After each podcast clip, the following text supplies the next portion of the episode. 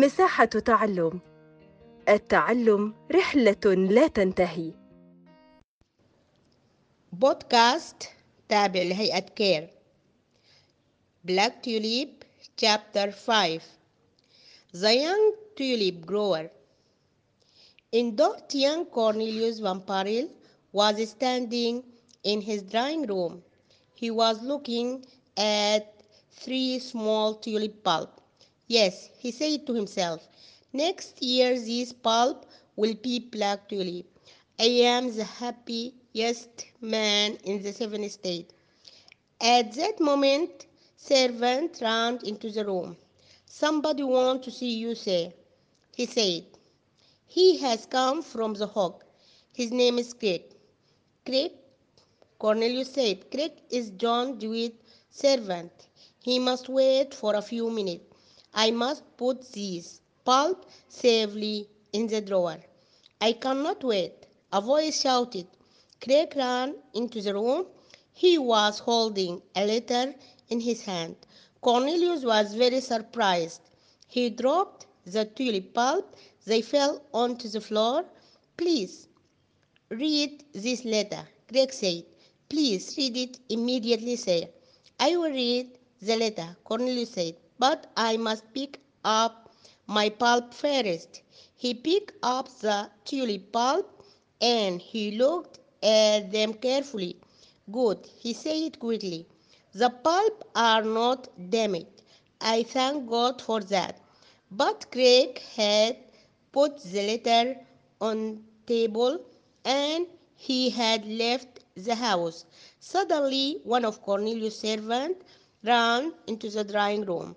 Oh, sir, the servant said, there are soldiers in the house. They are going to arrest you, sir. They are going to arrest me? I do not understand, Cornelius said. Cornelius was not frightened. He was thinking of his black tulip bulb. He picked up Craig's letter from the table. He did not say it. He did not read it. The letter was written on a piece of paper, a white paper from a book. Very carefully, Cornelius put the paper around the three bulbs. He made a package. Then he put the letter package into his pocket. Four soldiers ran into the room. A judge with them. The judge was from a courtroom in Dort. The judge had received a message from Isaac Boxtel. Cornelius Van Baerle, you have some papers, judge said. They are They are the paper of traitors. Give the paper to me. I don't understand, Cornelius said. Last January, Cornelius de Witt left a package of a paper with you. You must give that package to me. No, I cannot give the package to you, the young man replied. It is not mine. I must take those papers. The judge said. He pointed to the large drawer. They are in this drawer, he said. The judge opened the drawer and took out the package. He opened the package and looked at the letters inside. Yes, you are traitor too, the judge said. I arrest you. Cornelius Van Baerle, you are prisoner now. You must come with us to, to the Hague.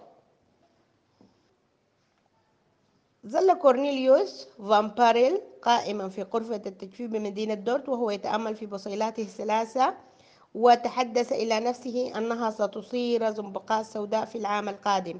بينما هو شارد أتى الخادم ليخبره بأن شخص يدعى كريك جاء من لاهاي ويريد رؤيته. قال له لينتظر قليلا. ولكن أثناء حديثه دخل كريك واقتحم الغرفة وهو ممسك برسالة وأراد منه أن يقرأها في هذه الأثناء وقعت البصيلات على الأرض فقال له اقرأها حالا. ولكنه رفض إلى أن يلتقط البصيلات وأخذ الرسالة ووضعها على الدو على المكتب ولم يقرأها. فجأة اقتحم الغرفة أحد الخدم وأخبره بأن هناك جنود أتوا لاعتقاله استغرب ذلك كثيرا لأنه لم يفعل شيء ولكنه لف البصيلات السوداء بعناية في ورقة الرسالة ولم يقرأها وأدخلها في جيبه. حضر أربع جنود ومعهم قاضي أخبروه بأنه آه بأن عنده آه رسائل يجب تسليمها.